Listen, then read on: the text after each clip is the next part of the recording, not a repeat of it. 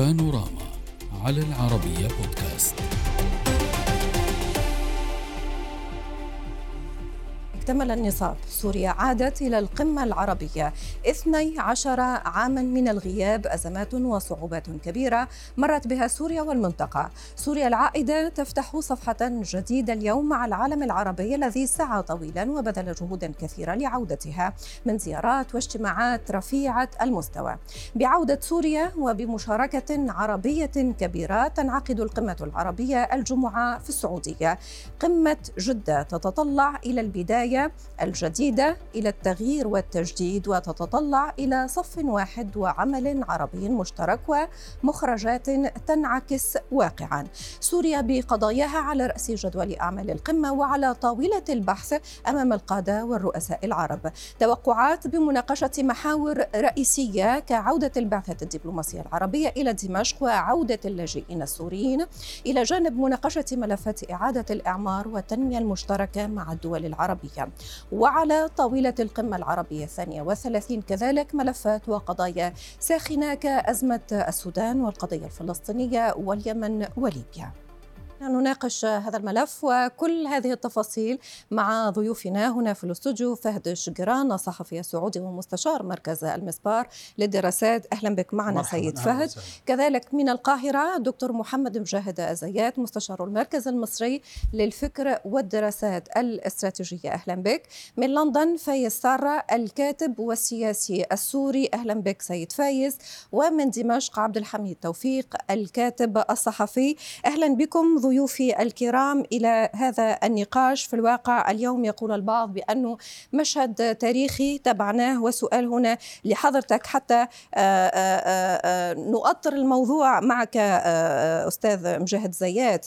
البعض يقول بأن المشهد اليوم استثنائي ومشهد تاريخي في الواقع. وصول بشار الاسد إلى مطار جدة مترأسا وفده المشارك في القمة العربية. ما الذي يعنيه ليس عودة المقعد فحسب وإنما وصول بشار الأسد إلى آه، جدة وترأسه وفدة في هذا آه، في هذه القمة. يعني أنا في اعتقادي أن هذا أهم تطور في الدورة الحالية للقمة العربية. يعني العام الماضي حاولت الجزائر أن يعني أن تعالج موضوع مشاركة سوريا في الجامعة العربية ومشاركتها في القمة ولم تتمكن لأن المناخ السياسي العربي والدولي لم يكن يسمح بذلك. آه، الإعداد الجيد للمملكة العربية السعودية لهذه القمة والترتيبات التي تمت قبلها وفرت المناخ اللازم للتعامل مع الأزمة السورية والمقاربة. التجاهل التام من جامعة الدول العربية وعدم انخراطها في الأزمة ترك الأزمة السورية في مهب الريح وفي آه، في أجندات متصارعة إقليمية ودولية. الإعداد الذي تم خلال هذه القمة والذي توج بمشاركة الرئيس بشار الأسد في هذه في جلسات القمة الحالية يعني نعم. أن الجماعة العربية قد نجحت أو على وشك أن تنجح في ترتيب اتخاذ آليات للتقارب مع الأزمة السورية والوصول إلى حلول للأمور المستعصية فيما نعم. يتعلق بمستقبلها ومساراتها طيب تتحدث عن الآليات وبهذا تكون آه، دكتور أدخلتنا في الواقع في جوهر الموضوع. آليات وتحديات في الواقع نتحدث عنها. وخلينا ندخل في جوهر الموضوع لنفهم ما هي تحديات عودة سوريا إلى مقعدها في الجامعة العربية. أستاذ فهد آه، هناك تحديات سياسية أمنية وإنسانية وسنأتي على تفصيلها. ولكن ما أصعب التحديات بحسب رأي حضرتك من عودة سوريا إلى مقعدها في الجامعة العربية؟ هناك أمرين اثنين أساسيين لابد من التركيز عليهم، اولهما أن آه، عودة سوريا إلى القمة العربية جاء نتيجة مفاوضات أعتقد بدأت من 2016 مع دول الخليج لضرورة آه، آه، تثبيت أمرين اثنين، أولهما الحفاظ على ما تبقى من الدولة ومؤسسة الدولة. الهدف الثاني عدم ترك سوريا بيئة حاضنة للإرهاب.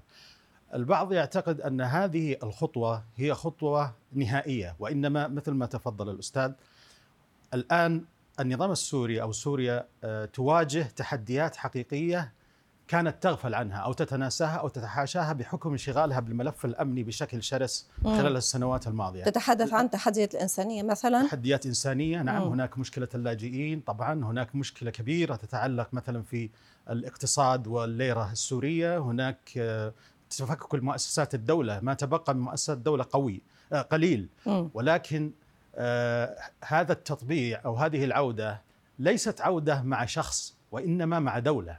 هناك فرق بين أن آه، تطبع مع دولة وبين أن تطبع مع شخص لكن هذا الشخص هو الذي يقف على سدة هذه الدولة. الدولة نعم الدول لا تدار بالعواطف أو بالعلاقات الشخصية وإنما بالمصالح. دول الخليج لديها خطط تنموية البحرين لديها رؤية السعودية لديها رؤية الإمارات لديها رؤية كل دول الخليج لديها رؤى اقتصادية آه، خلال السنوات القادمة. وهي رؤى تحتاج إلى الكثير من الاستقرار. الأمني على وجه التحديد وكذلك نعم. الاستقرار عدم وجود كلفة آه، في المجتمع في أي مجتمع عربي. رأينا كيف تفككت الدولة في تونس. ولكن سرعان ما عادت الأمور إلى نصابها. كذلك الأمر في ليبيا الآن الوضع سيء. مم. في السودان الوضع الآن جدا سيء. ما تبقى مؤسسات الدولة لا يعد على أصابع اليد الواحدة من بينها الجيش. مم. فهناك, فهناك مطامح لعودة طبعاً هذه العلاقة مع الدولة. في إطار, في إطار التغير والتحول الإقليمي من انسحاب أمريكا من الشرق الأوسط أي. وصولا إلى الانفتاح الخليجي على الصين مم. وعلى انسحابها تحدثت عن انسحاب أمريكا أو تدرج أو, أو تراجعها.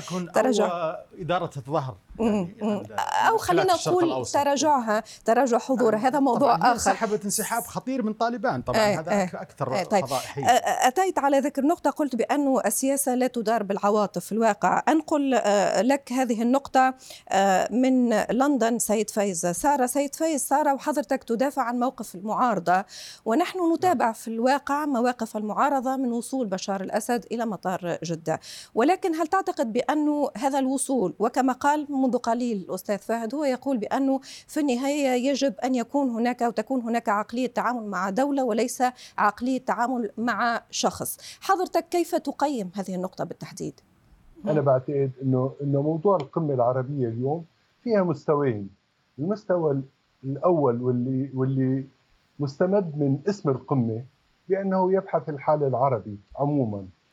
وبهذا المعنى فإن الحال العربي اليوم بحاجة إلى اجتماع قم على مستوى القمة لمعالجة كل التحديات الكبيرة اللي عم تصيب العالم العربي اليوم واللي بيناتها قضايا الصراعات الداخلية التحديات الاقتصادية والاجتماعية الأفق اللي ممكن يصير له العالم العربي في الفترة المقبلة. هي مهمات القمة العربية. وأنا بعتقد أنه اليوم قمة قمة جدة قدام قدام هذا التحدي وخاصة لما بتكون المملكة العربية السعودية هي اللي عم تستقبل هي القمة وتعد لها وتجري هي التفاعلات. هذا الجانب يمكن هو جانب أنا بعتقد إنه هو الأساسي. لكن هذا الجانب ما بيكتمل عمليا ولا بيصير يعني اخذ كل أبعاده إلا إذا شفنا الأجزاء العربية اللي فيها التهابات كبرى. الالتهابات الكبرى اللي اليوم آخرها السودان. لكن قبل السودان في التهاب سوري كبير ممتد عبر 13 سنة عبر 13 حوالي 13 سنة ماضية. هذا الالتهاب تسبب في كثير من الكوارث.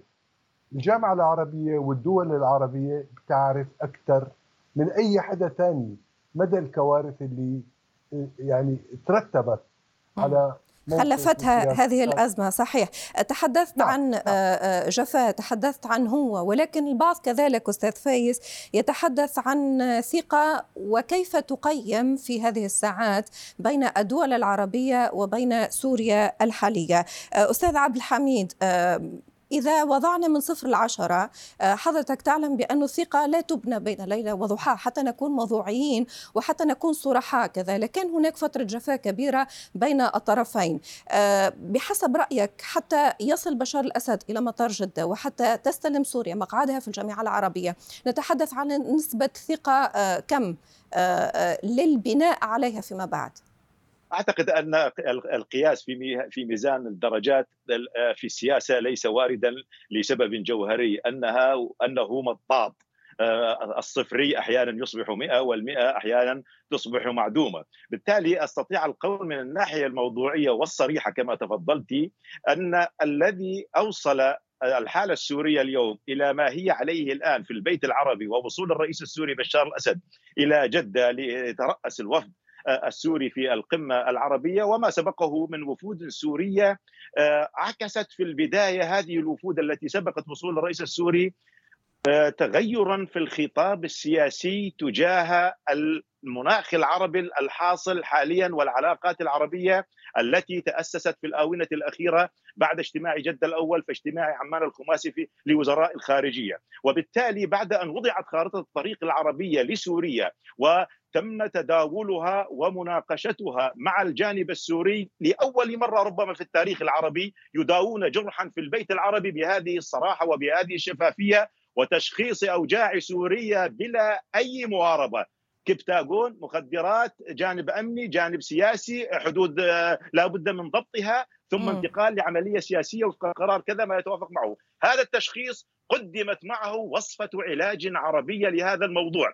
لو لم يكن هناك أجوبة سورية صريحة وواضحة نعم. وطمأنت الجانب العربي على الأقل لكي تكون هناك حالة أولية للتفاعل مع الطروحات العربية أعتقد بأن هذه الحالة لم تكن لتتطور. هذا جانب. الجانب الآخر أعتقد بأن اليوم العواصم العربية عموما والمملكة العربية السعودية بثقلها وبوزنها السياسي والدبلوماسي وبما شهدته من تحولات خلال السنوات القليلة الماضية على كل المستويات في علاقاتها الدولية العربية الإقليمية نعم. وفي وضعها الداخلي باتت أكثر قدرة على تقديم مثل هذه العلاجات للحالة العربية، فضلا عن أمر آخر إذا سمحت لي بعجالة أن هناك ثمة مؤشرات على احتمال بروز مشروع عربي في المنطقة بإدارة محكمة ومنضبطة تنتمي إلى إمكانيات ومقومات ذاتية للدول الراسخة، اليوم عودة مصر إلى أن تتحدث عن العملية السياسية في سوريا أعتقد أنه مهم جدا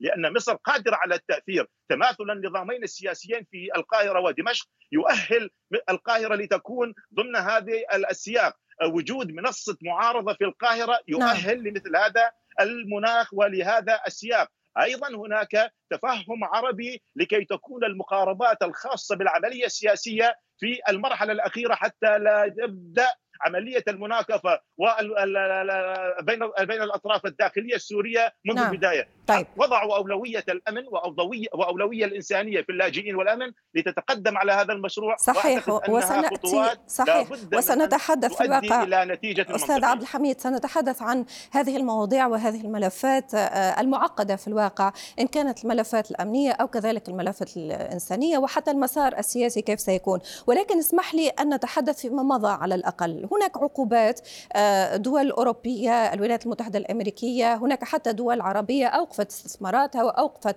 دعمها لسوريا وهنا سؤال آه، دكتور مجاهد زيات آه، هل تعتقد بأنه بعودة سوريا إلى الجامعة العربية يمكن كذلك الحديث عن إمكانية التراجع عن هذه العقوبات؟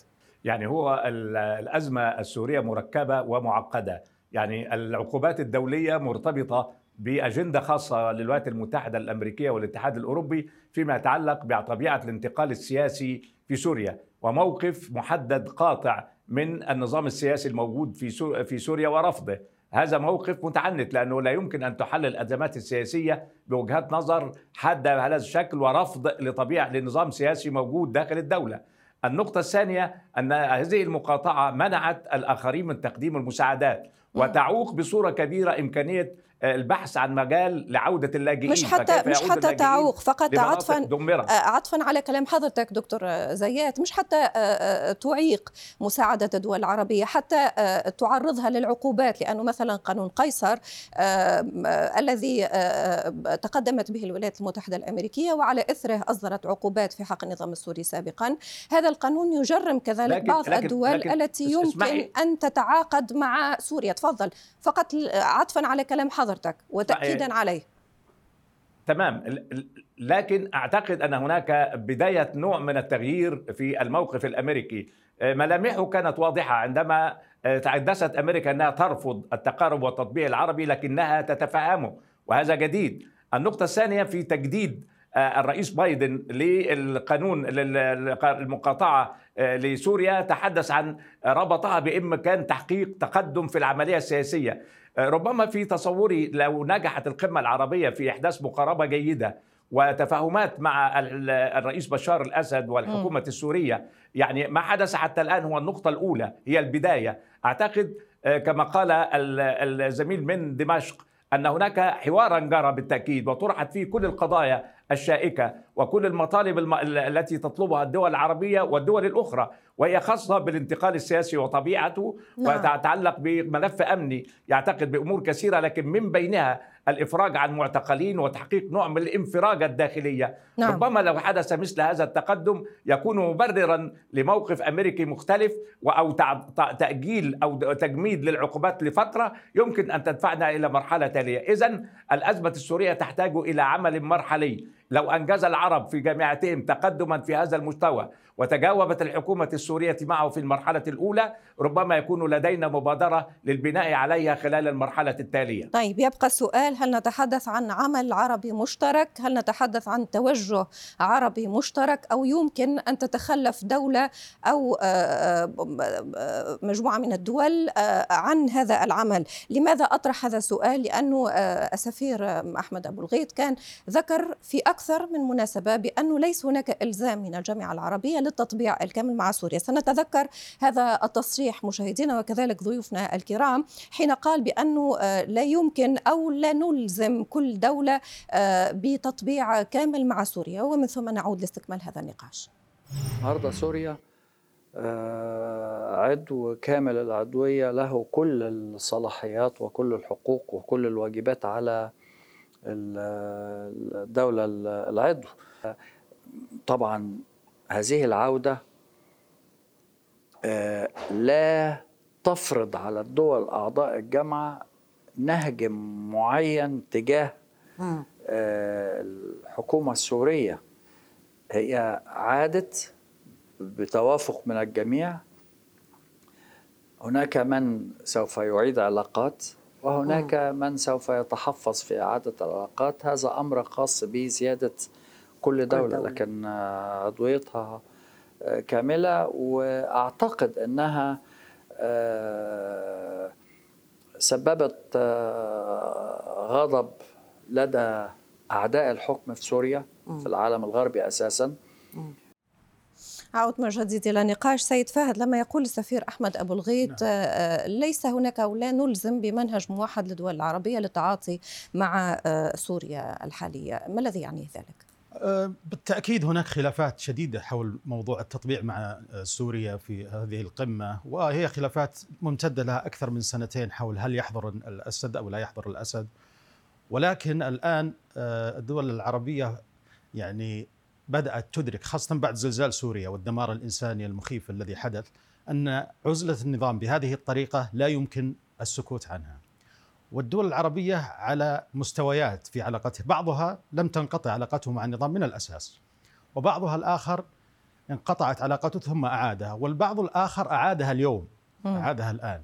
آه، وهناك تفاوت هناك نظريات متطرفة ضد النظام السوري أو ضد بشار الأسد ولكن أيضا هناك نظريات تتفهم لأنه أمر واقع. هناك من بدء الربيع العربي ما يسمى بالربيع العربي هناك نظريتين. نظرية كارثية تقول لابد من إسقاط النظام الإيراني وإسقاط النظام السوري وإسقاط ال... وهذه وهذه نظريات غير غير واقعية. وهذه تعيق مستويات التنمية وهي تسبب كلفة على دول الخليج لأنها هي المعنية دول أخرى. أكبر داعم للعالم العربي وللدول العربية والإسلامية هي دول الخليج. لا تريد أن تتحمل أعباء الآخرين أو أعباء آه، معارك. ستنتهي إلا أن يفني الآخر. م. ليس لها نهاية وليس لها أفق. وبالتالي لابد من من طرح مسألة الحوار. ولنتذكر أن دول الخليج وعلى رأسها السعودية طرحت مسألة التسوية السياسية منذ زمن طويل. ولكن للأسف لم تكن هناك الظروف مواتية وأيضا لم تكن وجهات النظر متقاربة. لكن بالحوار والتفاهم يمكن بناء أسس آه، يلبيها النظام السوري لدول نعم. الخليج وللعالم العربي. وأيضا تمكين هذا النظام من بدء إدراك أزماته الصحيحة م. لينظر إلى وجهه بالمرآة، هناك أزمات ليست مزحة، الآن ليس هذه القمة ليست بلسما له، وإنما هي وضعه أمام مشكلاته وتحدياته، إن كان قادرا على أن ينهي هذه الأزمات الإنساني منها أو الأمني، سواء الأمني على مستويين، هناك دول الخليج تعاني من تهريب المخدرات من سوريا وهي نعم. كارثة الآن. يعني بما يشبه الحرب الآن بين دول الخليج وعصابات تهريب المخدرات. الجانب الثاني وهو الإرهاب.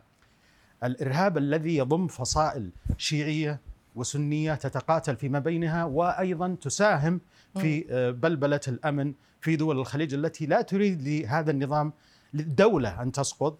بغية الحفاظ على ما تبقى من مؤسسات الدولة وصد الأذى وصد الشر بما يمكن خاصة أن سوريا ليست لديها حدود مع دول الخليج حتى يكون يكون لديها ذلك الاهتمام العالي وإنما أيضا له جانبه الإنساني. ونحن نعلم أن القوة الإغاثية التي حدثت بعد الزلزال كانت أكبرها من دول الخليج وتحديدا من السعودية والإمارات. وهذا جانب أيضا إنساني يتوازى مع ضرورة حل الحل السياسي لبداية حل نعم. الأزمات الإنسانية داخل المجتمع السوري طيب ونحن سنعود ومؤسساتها ومؤسساتها بالفعل ونحن سنعود للحديث عن عودة اللاجئين سنعود للحديث عن آه، الوضع الإنساني وسنعود كذلك للحديث عن التحديات السياسية أيضا التي يمكن أن تترتب أو أن آه، تتسبب فيها هذه الأزمة. أود شكر ضيوفي الكرام في الاستوديو فهد شقيران الصحفي السعودي ومستشار مركز المسبار للدراسات شكرا لك شكرا. وكذلك الشكر لضيوفي من القاهرة الدكتور محمد مجاهد الزيات مستشار المركز المصري للفكر والدراسات الاستراتيجية من لندن فايز سارة الكاتب والسياسي السوري ومن دمشق عبد الحميد توفيق الكاتب الصحفي. شكرا جزيلا آه، لكم وعلى متابعتكم. طبعا العربية ستخصص تغطية لقمة جدة ولعودة مقعد سوريا لجامعة الدول العربية. ابقوا دائما في متابعتنا. السلام عليكم.